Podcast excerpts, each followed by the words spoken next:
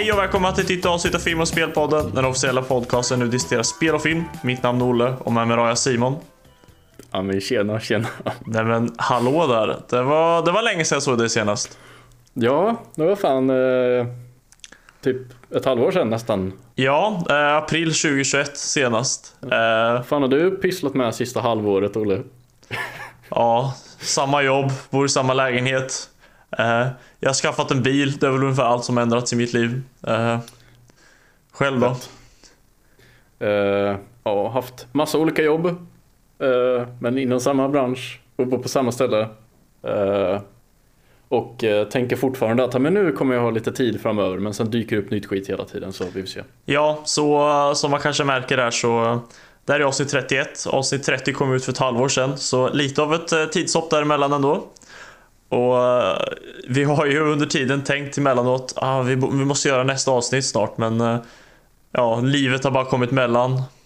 Och eh, Ja, vi har ju jobbat en hel del båda två. Eh, sen var vi ju i Budapest en sväng. Det var, har vi faktiskt gjort. Det var kul. ja, det var vi. Eh, bara några veckor sedan nu. Eh, första gången utomlands på tre år för min del. Så det var... Mm. Kändes lite som att eh, det är slutet, förhoppningsvis, på början på slutet i alla fall, till eh, pandemin. Nu när alla dubbelvaccinerat sig och har intyg på det så kan man ju typ börja resa lite igen. Ja, exakt.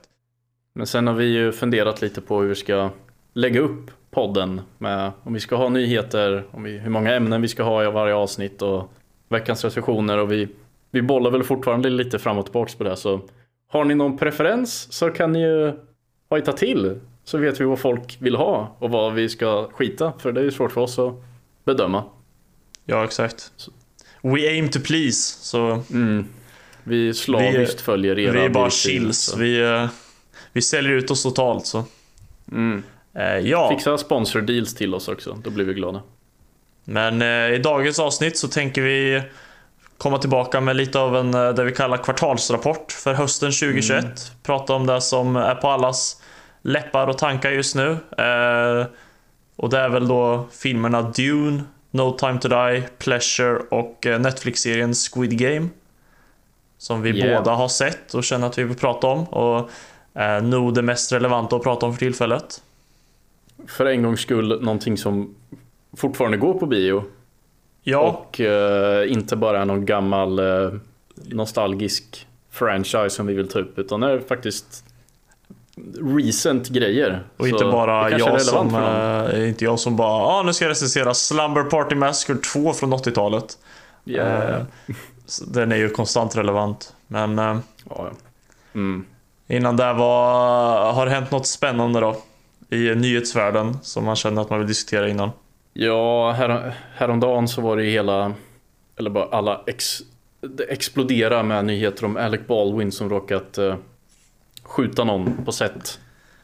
Eh, vilket var, Skjuta något Ja, till döds ju- till och med. Det, ja det är ju otroligt tragiskt och det är sjukt att något sånt ens kan hända. Och de har ju inte sagt exakt hur det gick till men något sorts propvapen var felaktigt laddat på något sätt. Om det har hamnat, eh, de var ju i en öken eller någon westernfilm så det kan ju ha hamnat något skräp i pistolen som sköt även fast ja, det var en blank eller om Jag är svårt att tro att det var riktigt laddat För det, det är ju helt absurt om det var så Eh, Mhm. Så Jag tycker det är jag, lite tråkigt alla artiklar som bara Alec Baldwin har råkat skjuta någon liksom Och även om de säger accident och råkat så känns det som Man vill ju inte se att han blir anklagad för det här för han är ju nog mer heartbroken än någon liksom att det här har hänt eh, ja, Det så... låter ju inte som han har gjort något fel liksom. Någon har ju Någon prop master eller något har gjort något sjukt fel Så Ja, Ja, det är tragiskt. eh, Man kommer väl få läsa mer om, mer om det här de närmsta dagarna.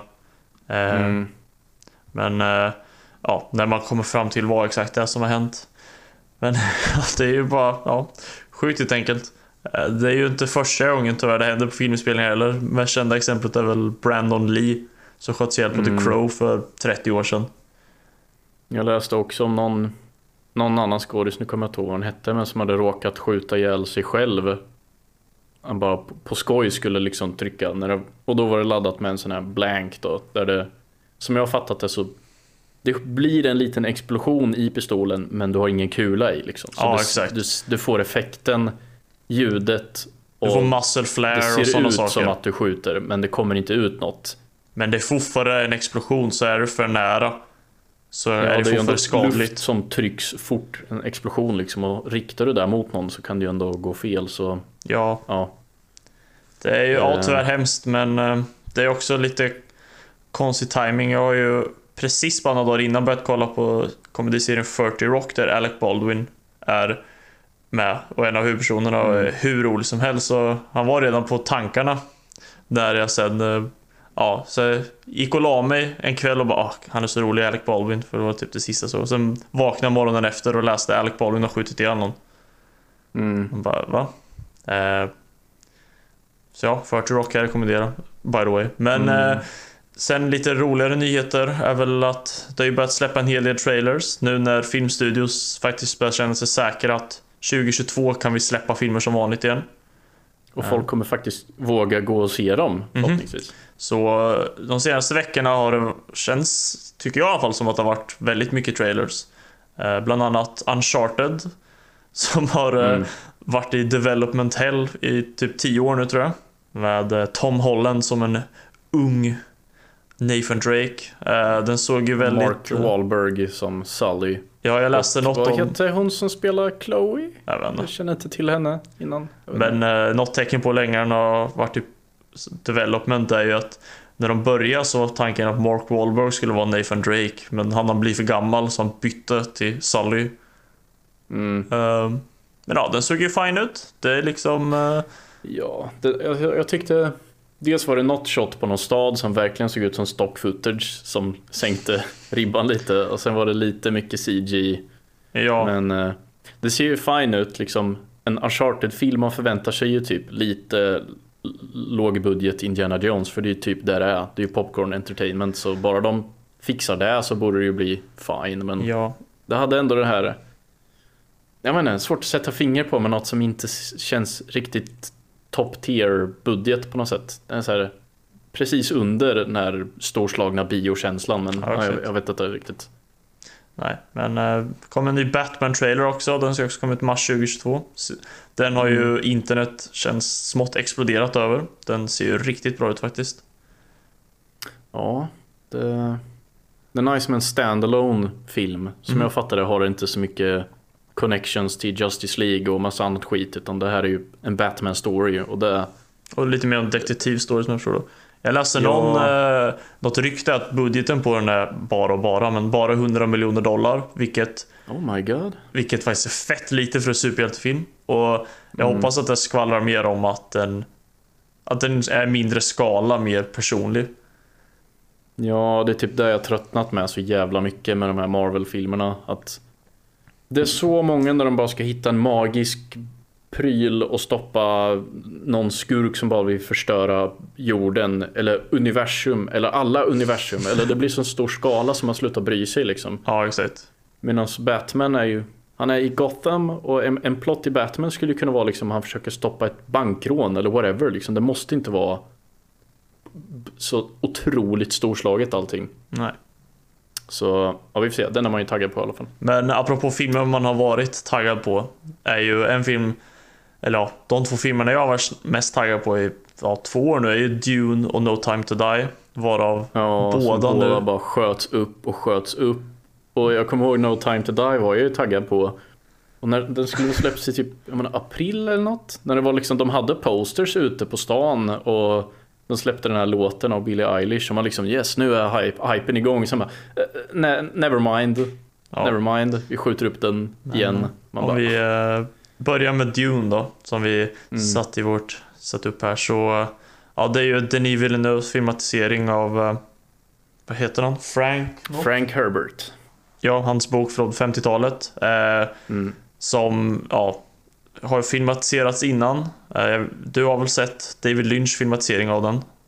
Ja, jag blev ändå lite sugen på mer liksom och veta mer om Lauren och backstoryn så jag satt och kollade massa YouTube-videos om the timeline bakom Dune, vad som hänt innan och sen kolla upp Mhm. lite om böckerna och sen ko- kolla på gamla David Lynch-filmen.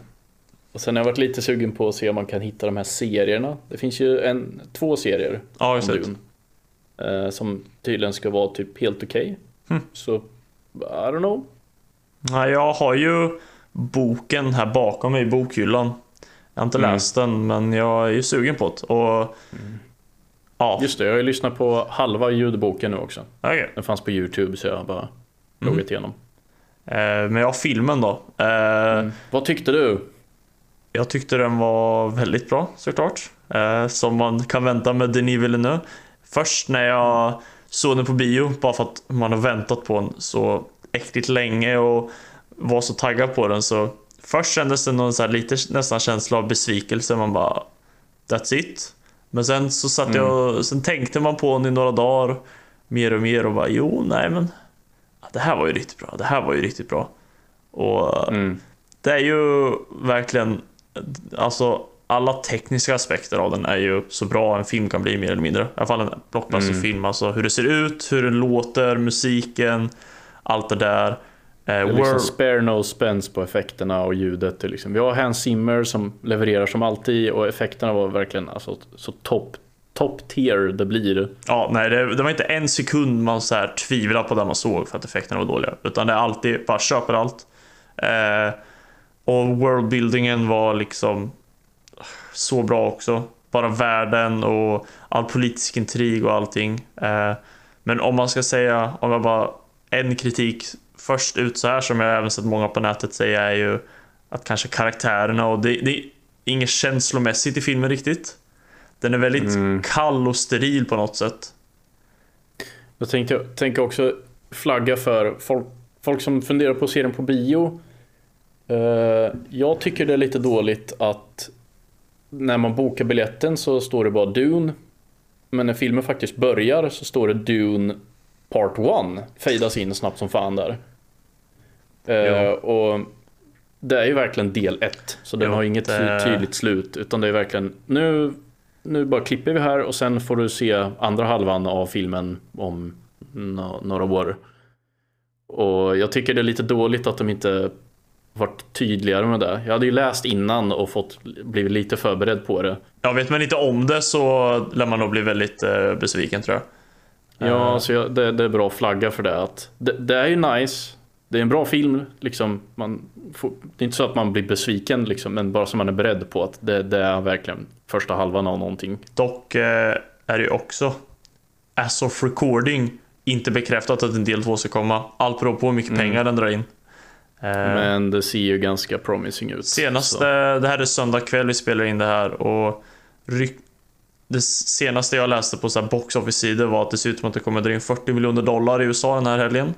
Vilket är Mm. strax över förväntan och jag tror att eh, något Warner Brothers skulle vara väldigt nöjda med. Så Mm. Jag tror någon CEO där hade sagt It's, it's all but confirmed. Att det är basically greenlit men inte officiellt. Ja. Att det blir en. Men eh, vad tyckte du då också? Om man ska säga något subjektivt. Jag såg den ju med några, några kompisar. Och vi, gick liksom all out. Vi bara, vi kör IMAX. För de har hypat upp att det här är en stor blockbusterfilm som bör ses på bio. Vilket stämmer 100%. Ja. Det, se den på bio om, om man är sugen liksom. Det är värt det. Mhm. Eh, och vi, vi alla tyckte att den var bra. Men det var lite mixed. Mhm. Eh, och jag, jag tyckte... Ja, jag kan väl sammanfatta det som att eh, det, alla scener var ju så sjukt maxade. Och all, varenda shot är liksom bara brrr, kolla vad epic och stort och mäktigt allt är. Mhm. Och det är så coolt och snyggt. Men jag saknar lite, lite heart and soul. Ja, det, det blev lite... Det är det Det känslomässiga var lite saknas. samma som jag kände med, med Blade Runner. Att det, det är ganska liknande ton på det mesta i den här. Så om man gillar hans eh, Blade Runner 2049 så kommer man nog gilla den här också. För det är lite liknande stil. Verkligen. Eh, Men jag tyckte där också kändes som att eh, det känns nästan som att titta på ett skyltfönster liksom. För allt är så jävla snyggt hela tiden. Och det, det känns inte riktigt som att personerna eller jag hade velat ha lite mer mänsklig interaction liksom. Det var typ Jason Momoas karaktär han var typ den enda som var lite lättsam och faktiskt sa något som inte var extremt viktigt för plotten. Allt exakt. annat var så nedkokat till storslagna ord, det är profetier, det är lore. Det är jävligt mycket som måste etableras och de gör ju ett väldigt bra jobb på det. Att det inte känns som att någon bara trycker in exposition i en. De vävde in det i massa olika sätt väldigt bra. Men eh, jag kände liksom inte så mycket. Eller mitt känslomässiga tillstånd var ganska stadigt genom hela liksom. Inte dåligt och inte så att jag var uttråkad, men var lagom engagerad och tyckte allt var jävligt maxat och coolt. Ganska flat liksom genom hela filmen. Och så gick man ut och bara, det var ju, det var ju cool film. Men, eh, ja jag vet inte. Jag, lite style over substance kanske. Ja, det är ändå eh, en handfull karaktärer som dör under filmen. Men eh, det är ju aldrig som man bryr sig riktigt. Nej, och så är det ett heroic sacrifice och storslagna actionscener och det, det är ju fett men det är aldrig som man bara "Åh, jävlar vad, vad ska hända nu liksom? Så edge of your seat spännande. Det är mer fan vad maffigt allt det här liksom. Och ehm, men nu, nu ska man inte bli för negativ. Jag tyckte ändå den var jävligt bra liksom. Så det, det är ju Det är mest att man Man har så sjukt höga förhoppningar. Och så var det ändå en väldigt bra film men inte liksom det här 10 av 10 amazing amazing som man kanske orealistiskt hypat upp det så mycket. mhm. ja, du jämförde ju lite med Blade Runner 2049 och det håller jag med om är ju en av de, eller nog den bästa jämförelsen man kan göra just för att det är Denis Villeneuve och liksom, ja men det är liknande stil och när jag såg den på bio då hade jag inga förväntningar på den. Jag, jag bara, "Ah, jag kan väl lika gärna gå och se den här och jag absolut älskar den filmen. Mm. och tyckte den var bättre än den här. Medan den här filmen hade jag hypat upp i ja, extra länge, ett, ett helt år extra eftersom att det sköts upp. Och Mm. det var så mycket hype och jag bara såg allt och läste allt innan. Så då är det klart att det är ju så då är det nästan naturligt att jag föredrar Blade Runner 2049. För det är ju ja, de förväntningarna man tar med sig in i en film spelar ju stor roll av vad man faktiskt tycker om filmen sen efter. Ja, jag, jag tror, hade det inte haft världens press att vara helt jävla amazing den här, då hade jag ju blivit helt blown away liksom. Om jag inte visste någonting om regissören och världen eller konceptet med Dune innan och bara ser den lite random, då hade man ju bara jävlar vilken nice liksom. Så jag ska, den får ju ändå en stark rekommendation. Det är ändå en, ändå en av de bättre sci-fi filmerna senaste åren liksom. Så. Ja, nej, det är definitivt en film man borde se på bio som du sa. Det Sen bara... känns det ju lite som att man vill liksom inte säga ett bu eller bä 100% just eftersom det bara är första halvan. Jag vill liksom se del två och se hur det, de tillsammans knyter ihop allting liksom. Så jag, jag, bara, jag tycker ändå att världen de intresserar, eller introducerar så pass intressant så att även ifall det inte kommer en del två, jag kommer bli besviken, men jag kommer ändå känna att den här är, det är inte ovärt att se den här bara för att man inte får mer, utan det man får är så pass coolt, eller coolt, men det är så pass intressant värld. Och om man absolut vill ha mer så finns ju boken sen också. Ja, jag, typ efter filmen, jag var ju mer fascinerad av planeten och världen än kanske just storyn i filmen. Så jag satt och kollade massa YouTube-videos om liksom För det finns ju typ en 30 000 år history innan det som händer i filmen som är liksom upp, upp, eh, uppradat i någon bok. The, the Lore of Dune typ eller vad heter det. Så såg jag någon YouTube-video som förklarar allt det. Jag tycker filmen gör en väldigt bra, för du pratar ju lite om Lauren. Eh, Om det du hade hört och läst. Och saker som inte nämns i filmen. Men baserat på det här känner jag att, som inte har läst boken då, men det känns ändå som att filmen hittar en bra balans mellan att förklara världen tillräckligt så man förstår allt. Men ta med allt som inte är absolut nödvändigt från boken så att man blir helt nedtryckt av exposition. Utan det är liksom, det här är precis det som Spice, det är ju hela filmen, The Spice Must Flow och allt det där. Det är ju det filmen handlar om. Eller en stor del av världen handlar ju om det. Men i filmen förklarar de aldrig riktigt varför Spice är viktigt. Men de är mer bara, Spice är viktigt och man bara, okej, jag förstår. Spice är De säger viktigt. typ att eh, ja, man behöver, för plotten är ju typ ja, det är 20 000 år i framtiden eller vad det nu är. Och människor har koloniserat galaxen. Men för att färdas genom rymden behöver man något ämne som heter spice som bara finns på en planet. Och så är det massa konflikter över ja, vem som styr den planeten och så. Det är grundplotten. Och de säger Och ju där i filmen att eh, Spice behöver man för att färdas genom rymden. It's the key to interstellar travel.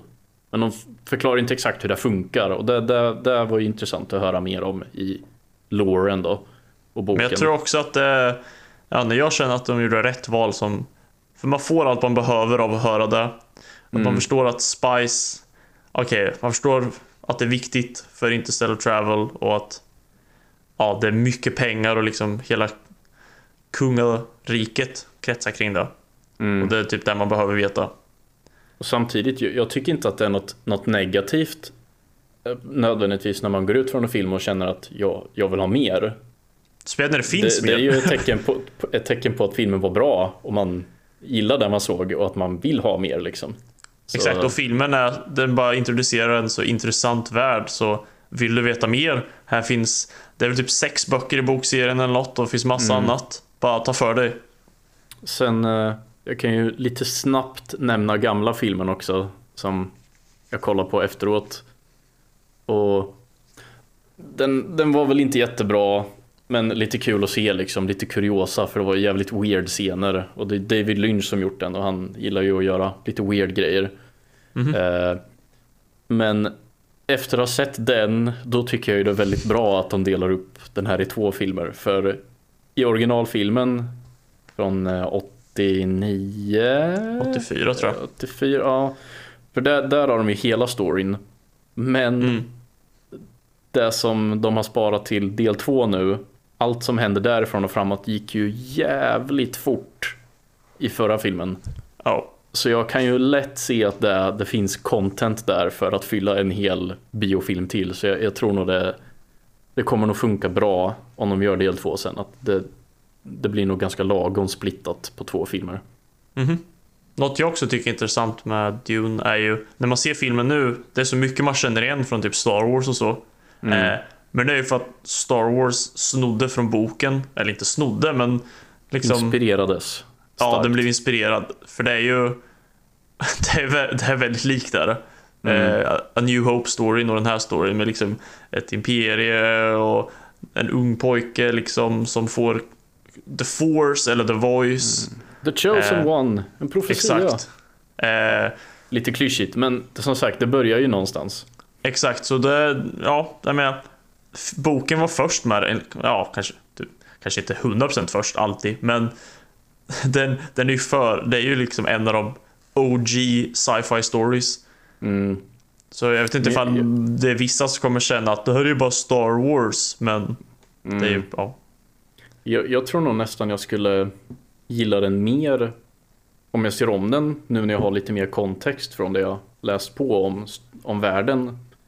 Ja, För jag tycker det, det är intressant att för vår nutid har ju ändå hänt en gång i tiden i Dune-universumet. Det är liksom inte ett separat universum med andra sorts Bara- människor utan det är ändå så många tusen år in i framtiden liksom, så att Ja, det är helt oigenkännligt. Och när man får höra, om man läser på lite lore vad som hänt som har lett upp till att världen ser ut som den gör då. Det var ju typ nästan mer intressant än konflikten om vem som ska mina Spice i filmen liksom och höra vad som lett dit. Så det, det kan jag ju rekommendera folk som vill ha mer att läsa på lite om.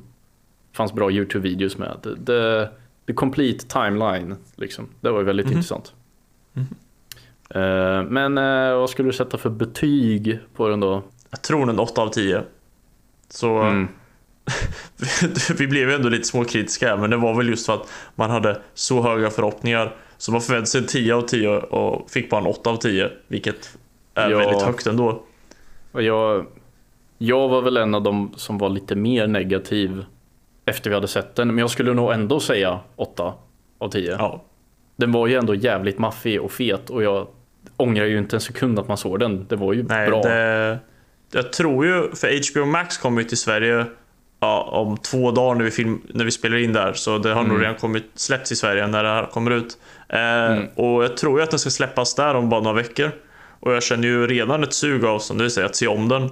Mm. Och, och, och även för min del att läsa på lite mer om Lauren innan så att man... Du får ta och öppna den där boken i bokhyllan som stått där. Men jag kan inte läsa. du får Läs lyssna på ljudboken som jag... Jag är väl halvvägs nu typ.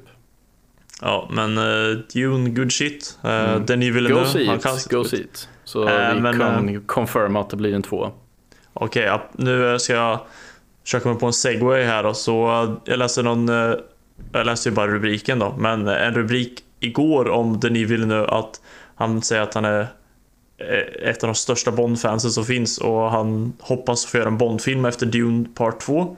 Eh, och det känns ju passande just för att nästa film är No, no Time To Die, den 25 officiella Bond-filmen. Eh, som, och den serien började nu för 59 år sedan nu. Eh, Oh så där har ju vi båda lite olika historia till Bond-serien. Eh, Mm. Du är väl lite Du mer är- passiv. Du är största fanet på jorden och kan all Jag- trivia och har alla Eh. nummer i huvudet och har din fina box och ser om dem årligen. Och jag har typ bara brytt mig om Daniel Craig-filmerna för Exakt. Du, eh, du har ju sett åtminstone en Roger Moore-film, för den tvingar jag dig att se. Eller tvinga, Jag, eller jag, kanske jag har två. nog sett de flesta någon gång när de gick på typ Ja. TV4 plus. Då såg jag de flesta men missade några så jag, jag har inte sett alla. Men majoriteten har jag nog sett någon gång. Men det är liksom, Ja. de har varit fine så jag har inte brytt mig så mycket. Och sen Nej, tyckte jag, jag de här är ju- Pierce Brosnan-filmerna som kom när jag var liten. De var ju såhär balt. För det var bland de första filmerna som jag hade på DVD typ. Eller liksom man fick här. Mm, mm. Då, då tyckte man det var coolt, men de är inte jättebra när man ser dem idag, de senare där. Eh, och sen Casino Royale var ju var så jävla nice, kommer jag ihåg, när den, när den kom och man såg den och bara jävlar vad bra, shit vad nice. Och jag såg ju om alla Daniel Craig-filmerna nu innan No Time To Die och den är ju fortfarande väldigt bra tycker jag. Ja, så ja, jag är ju Die Hard Bond-fan rakt igenom och kan allt. Jag är ju bara en ja, walking encyclopedia.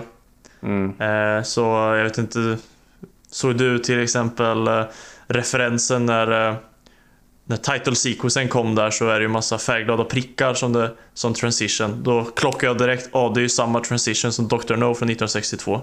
Got it. Eh, nej, Eh, det snappar jag nog inte upp faktiskt. Nej, det är jag.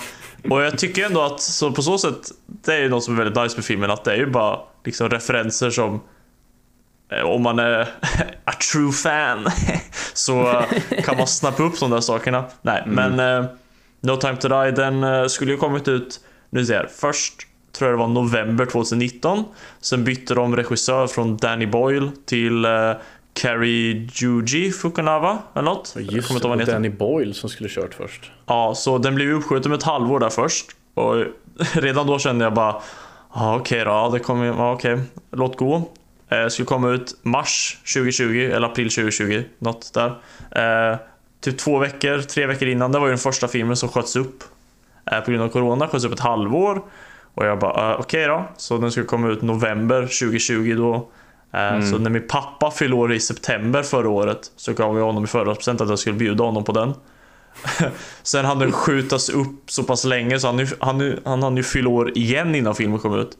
Så Mm. eh, jag behövde ju ge honom en till födelsedagspresent och sen bjuda honom på filmen. Eh, Mm.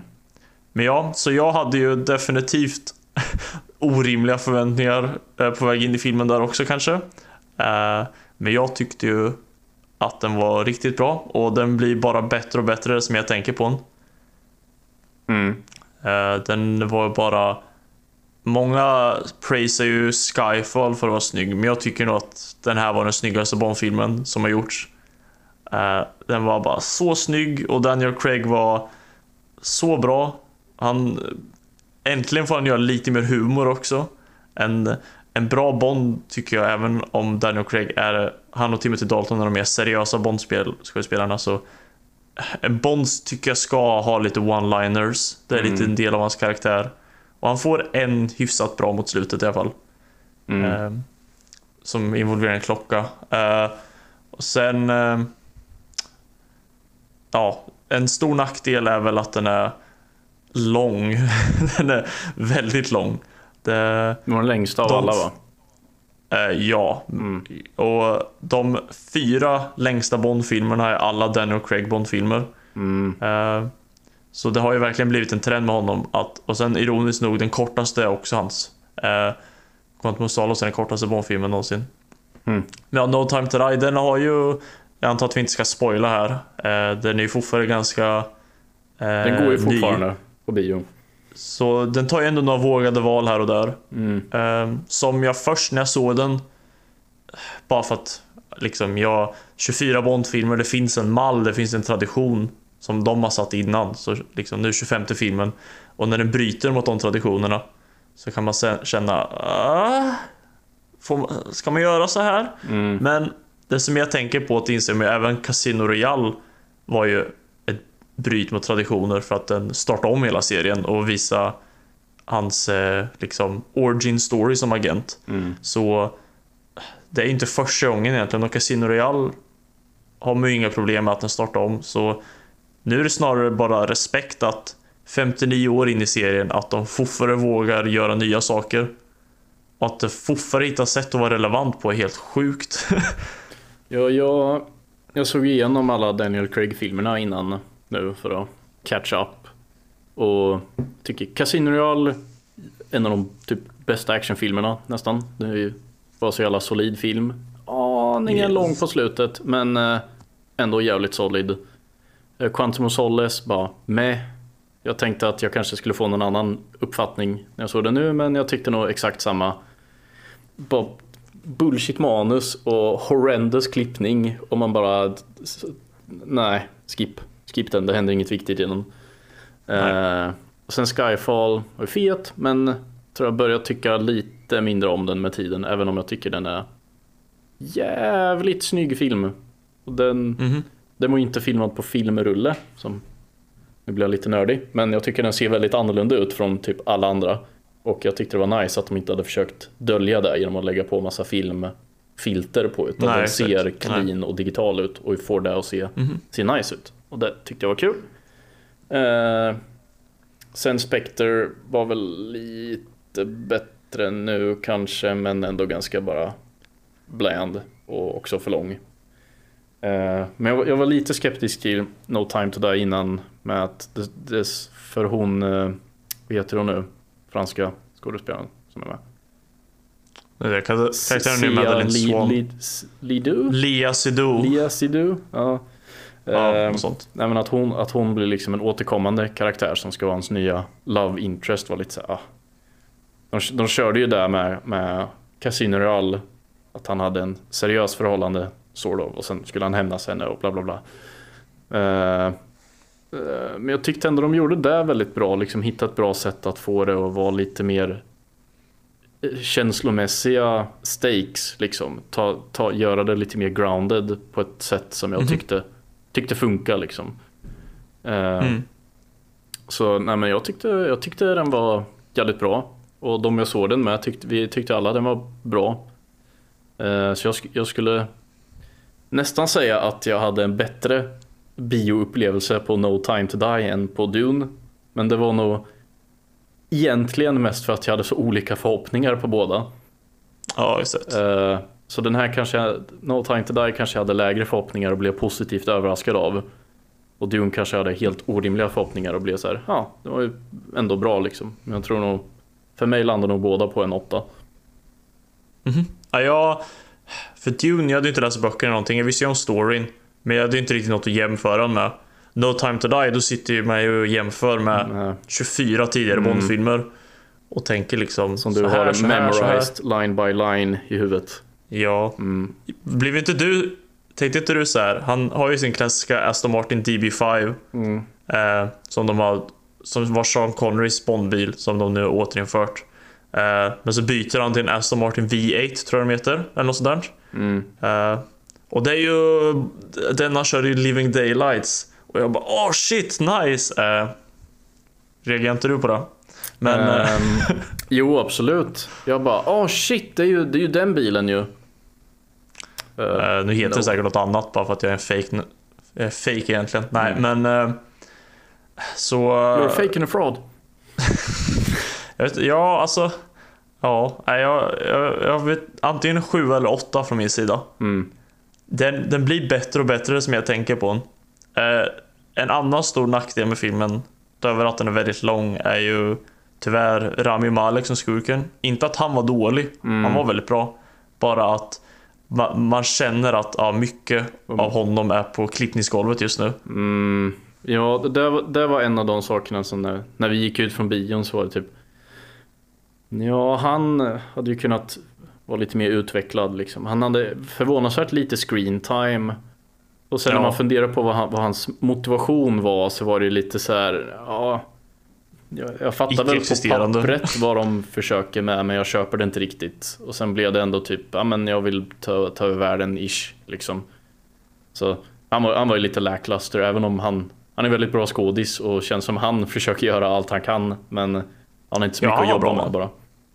Jag är ett stort Rami Malek-fan efter Mr. Robot. Liksom. Mm. Så han, han tycker jag inte kunde ha gjort något bättre. Det var just bara, ja.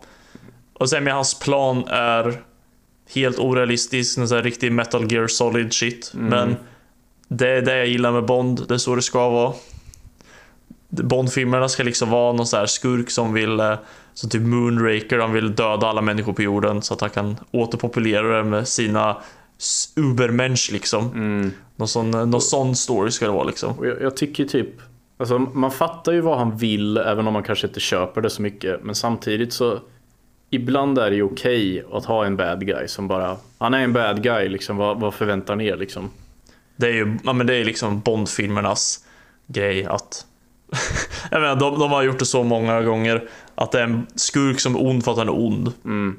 That's it. Och Bond i många av filmerna, han, han, är, han har egentligen inga svagheter, ingen personlighet egentligen. Mm. Eh, när jag säger det så jag vet inte varför jag älskar filmerna så mycket egentligen kanske men Men jag skulle nog, eh, jag tror nog att jag skulle Daniel Craigs filmer ranka Casino Royale är fortfarande hans bästa Det är topp tre Bond-filmer någonsin skulle jag säga Den, Living Daylights och Spy Who Loved Me Mm. Och sen tror jag att jag skulle säga No Time To Die är hans näst bästa Mm. Eh, Och sen Skyfall där under Jag tycker ju dock, och tyckte ända sedan det kom ut att Skyfall är överskattad Eh, Den är bra men den, är, Mm. den är fine bara, typ. Ja, jag, Knappt topp skulle 10 nog Bond-filmer. eh, ranka typ som du. Jag är li, lite så splittad på No Time To Die och Skyfall. Jag tycker båda var väldigt bra liksom. Men jag kanske...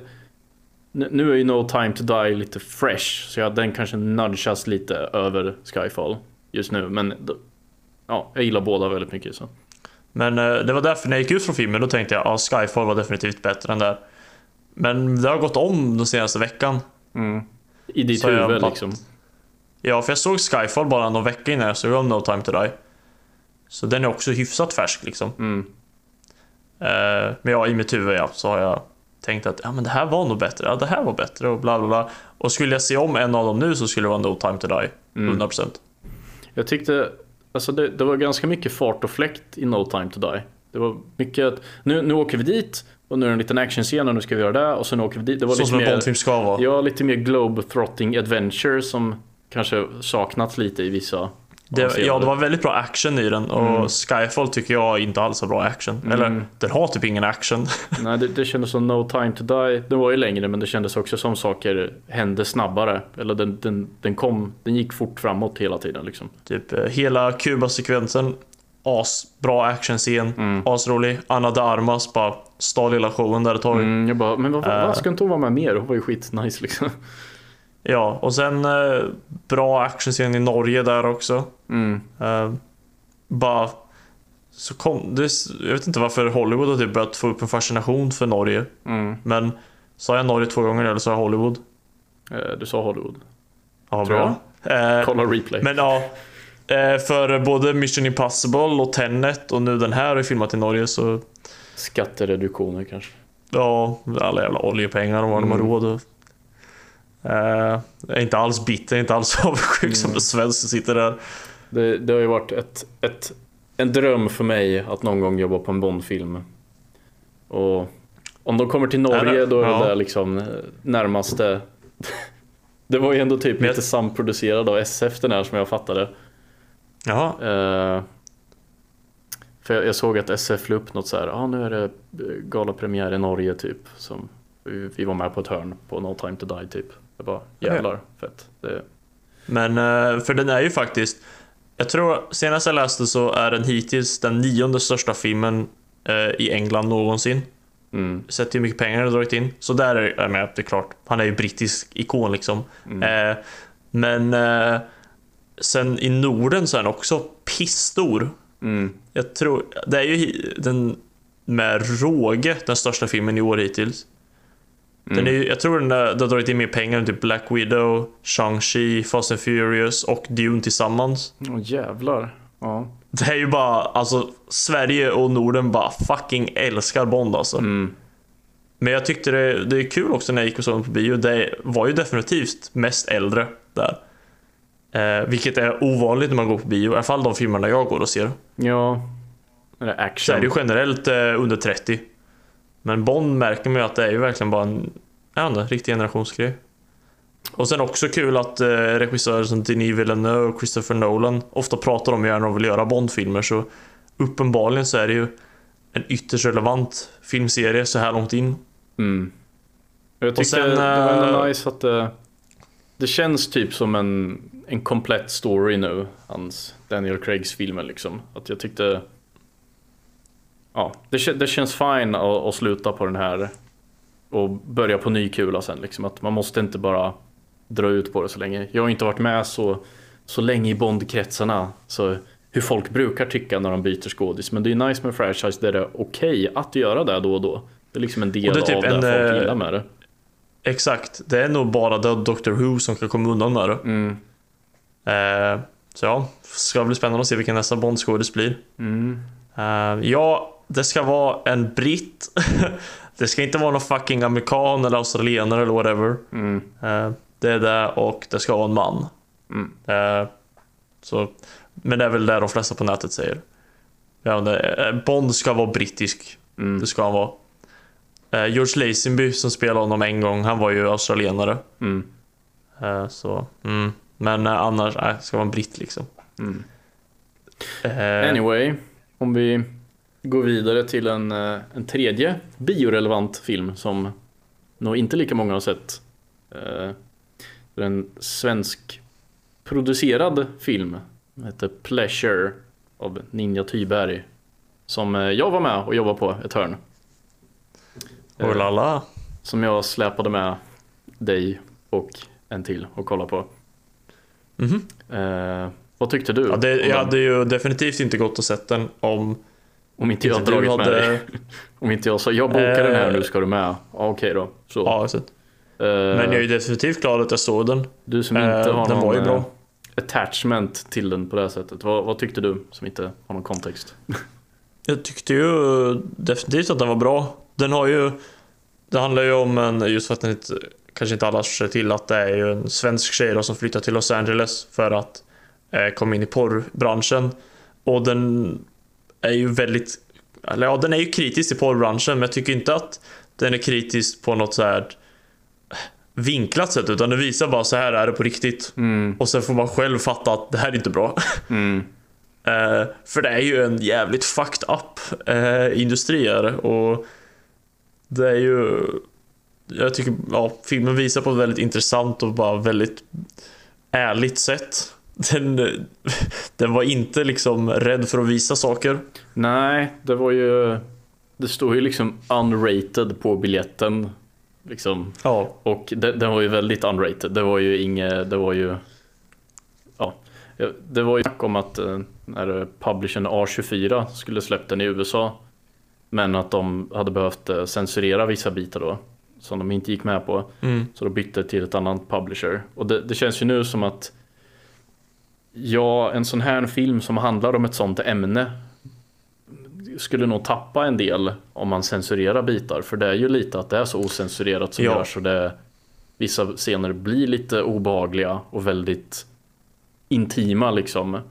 Så att, för det är ju Ja, hon, hon tar sig ju till Los, Los Angeles och vill liksom bli nästa porrstjärna. Så det är ju scener när de spelar in porrfilmer som är väldigt osensurerat. Eh, Ja. Och vissa väldigt effektiva scener där det är vä- väldigt från hennes perspektiv hur hon upplever det hela som var väldigt så här riktigt Man obekväma. blev fan jävligt obekväm Ja. alltså. Oh my god vad jag bara satt och skruvade mig i Ja. stolen så mycket. Och ja, det är inte alltid man får en sån fysisk reaktion när man ser en film. Och det, oavsett vad reaktionen är, om en film kan få en reaktion nu så är det Mm. lyckats på något sätt tycker Det jag. känns ju verkligen som att det där tanken har varit att de bitarna som ska vara obehagliga var fan där liksom. Eh, Ja, så det, jag håller med att alltså, i många fall så är det så här klippa bort nakenheten, det spelar ingen roll liksom. Mm. Många filmer så. Men här, som du säger, det är verkligen bara nej, det, det, är så, det blir så mycket mer effektivt när man inte censurerar och man bara man gör publiken obekväm mm, genom att bara visa allt. och det känns nästan också lite ärligare på något sätt. Att eh, Mhm. ja, nu, vissa saker blir nästan lite avdramatiserat också. Att fo- folk vågar vara alltså, nakna och de har inte filmat det på något konstigt sätt liksom. Utan det är, det, det är bara så det är. För det är bara så det är i den, i, i den branschen för de som jobbar med det liksom. Att, Ja, ibland kommer lite humor därifrån känns det som. Att de typ står och snackar och så bara klipper man till en helbild och så bara st- står de och typ är hårda Mm. liksom och bara chillar. ja, Eh, Och bara pratar om typ mobilspel och whatever. Mm. Eh, nej, så jag, Men eh, Jag tyckte ändå, alltså, Ja. det var ju ändå, det var en ganska klassisk, eh, så lite, lite story in, invävt i det hela. Det är som en, att utforska hur porrbranschen ser ut och varför hon vill jobba med det och hur de jobbar sig upp till lite mer prestigefyllda alltså porrinspelningar. Mm. Men också lite, lite story om lite avundsjuka och vad hon är villig att ge upp för att nå sitt mål. Och lite konflikt med hennes vänner och ska hon prioritera sin karriär framför allt. Och, ja, det blir ganska tydligt budskap.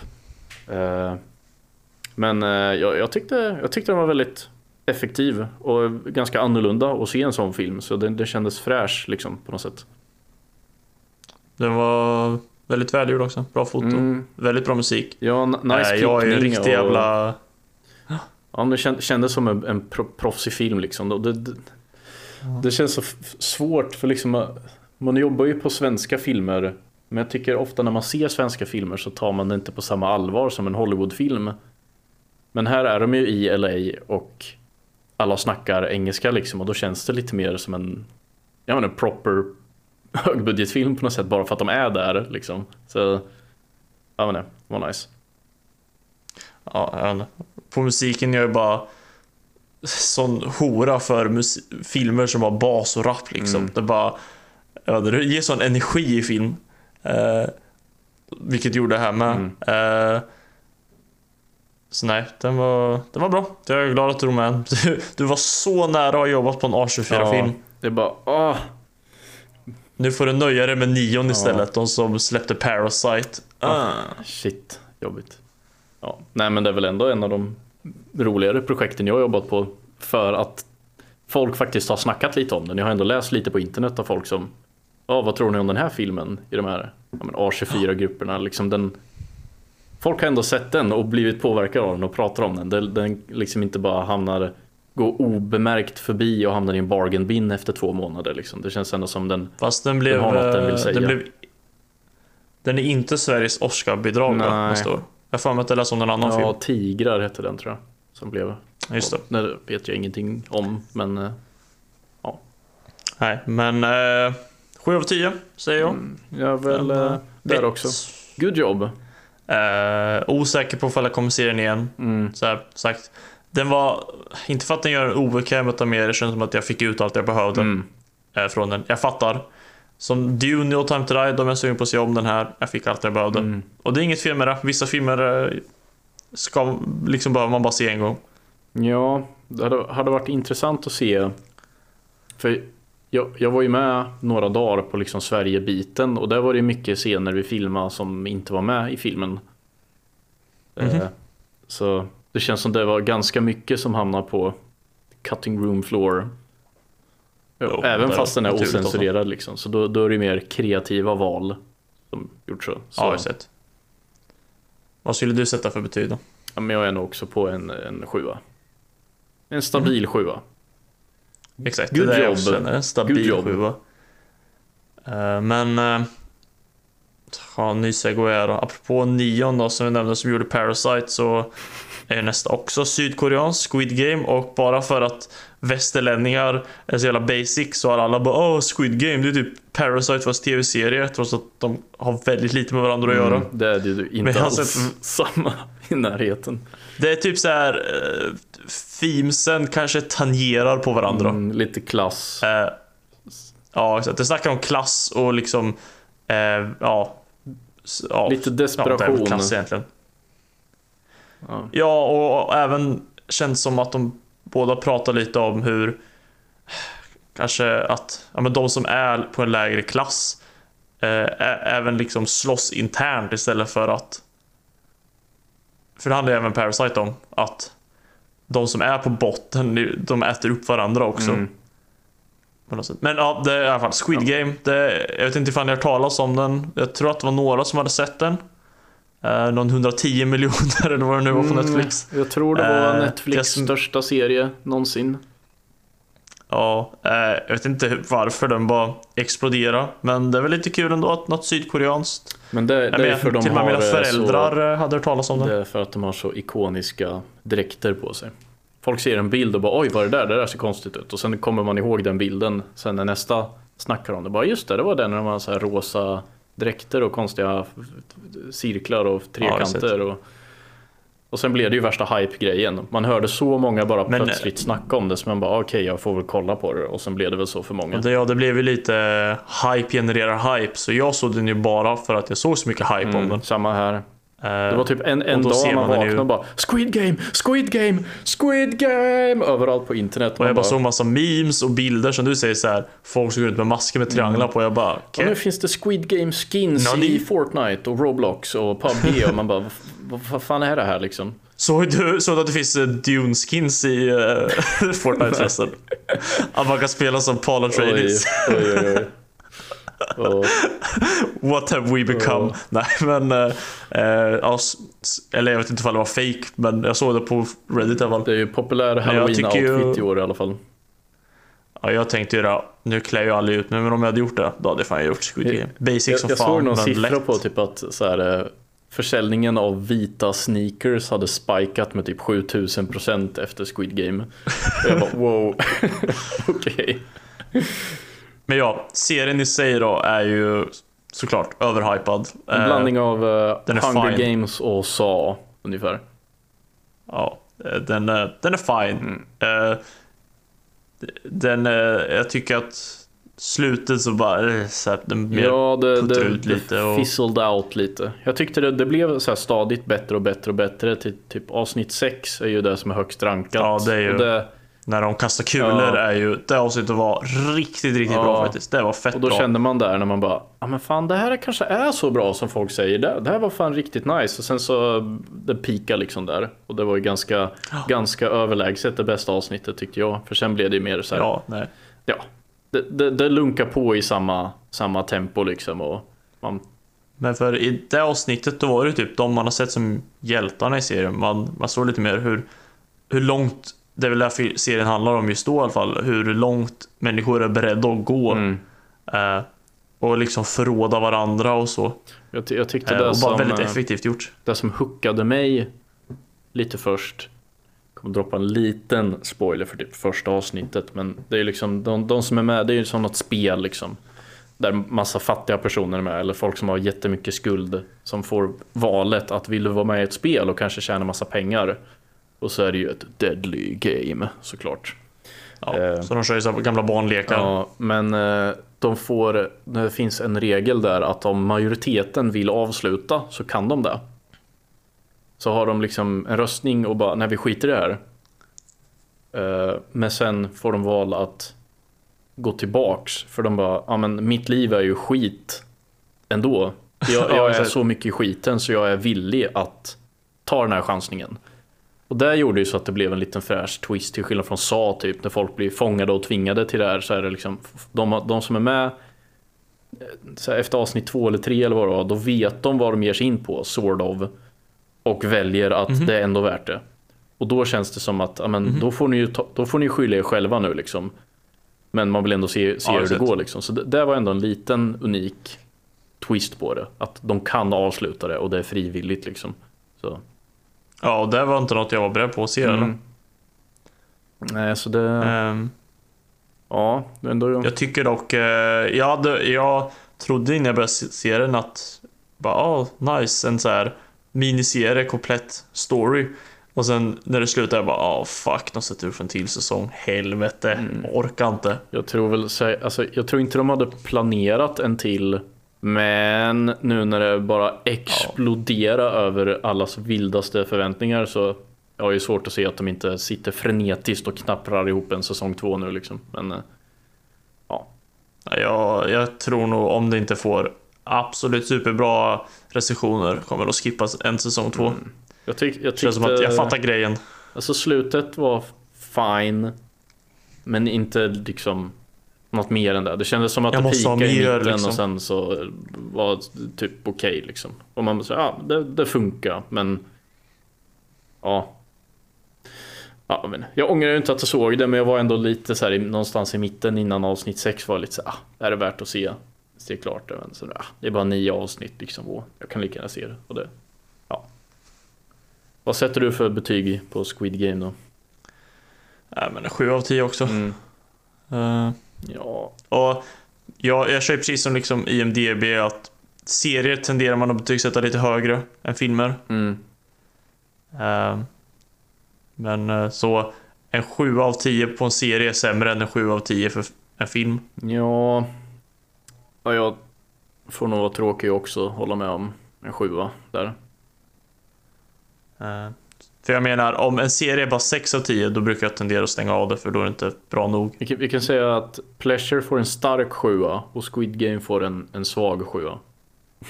Ja, en oentusiastisk sjua.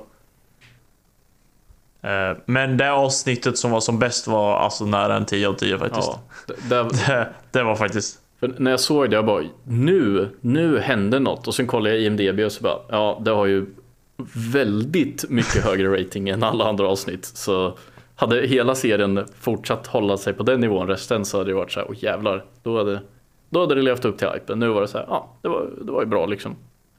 Och jag tror ju att om det hade varit sista avsnittet då hade man tyckt om serien mer för det är ju slutet är ju så viktigt, Mm. speciellt på en serie. Ja, de har jo- jobbat sig på uppåt piken. till det och sen bara stoppat. Och hade alla bara jävlar vad bra liksom. Nu var det så här, ja det funkar. Ja, just det. Eh, Men eh, ja, det, det är väl ingen poäng att rekommendera för jag tror att alla i världen och några till har sett det Mm. redan. Troligen. Men eh, inte riktigt värt hypen. Såklart, så brukar det vara. Det är sällan saker gör det. Men det är Eh, ändå väldigt kul att se att det blev en sån hit. En liksom koreansk serie som inte har någon förlaga.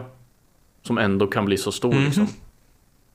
Ja, det, alltså det visar ju att eh, egentligen vad som helst kan bara fånga zeitgeisten. Mm. Med rätt eh, idé och någon liksom lite intressant visuell stil och Ja, alltså skri- skriver man något som hookar folk så då, då spelar det liksom ingen roll vart, vart det är ifrån eller vilken form det tar. Då, Så, eh, ja.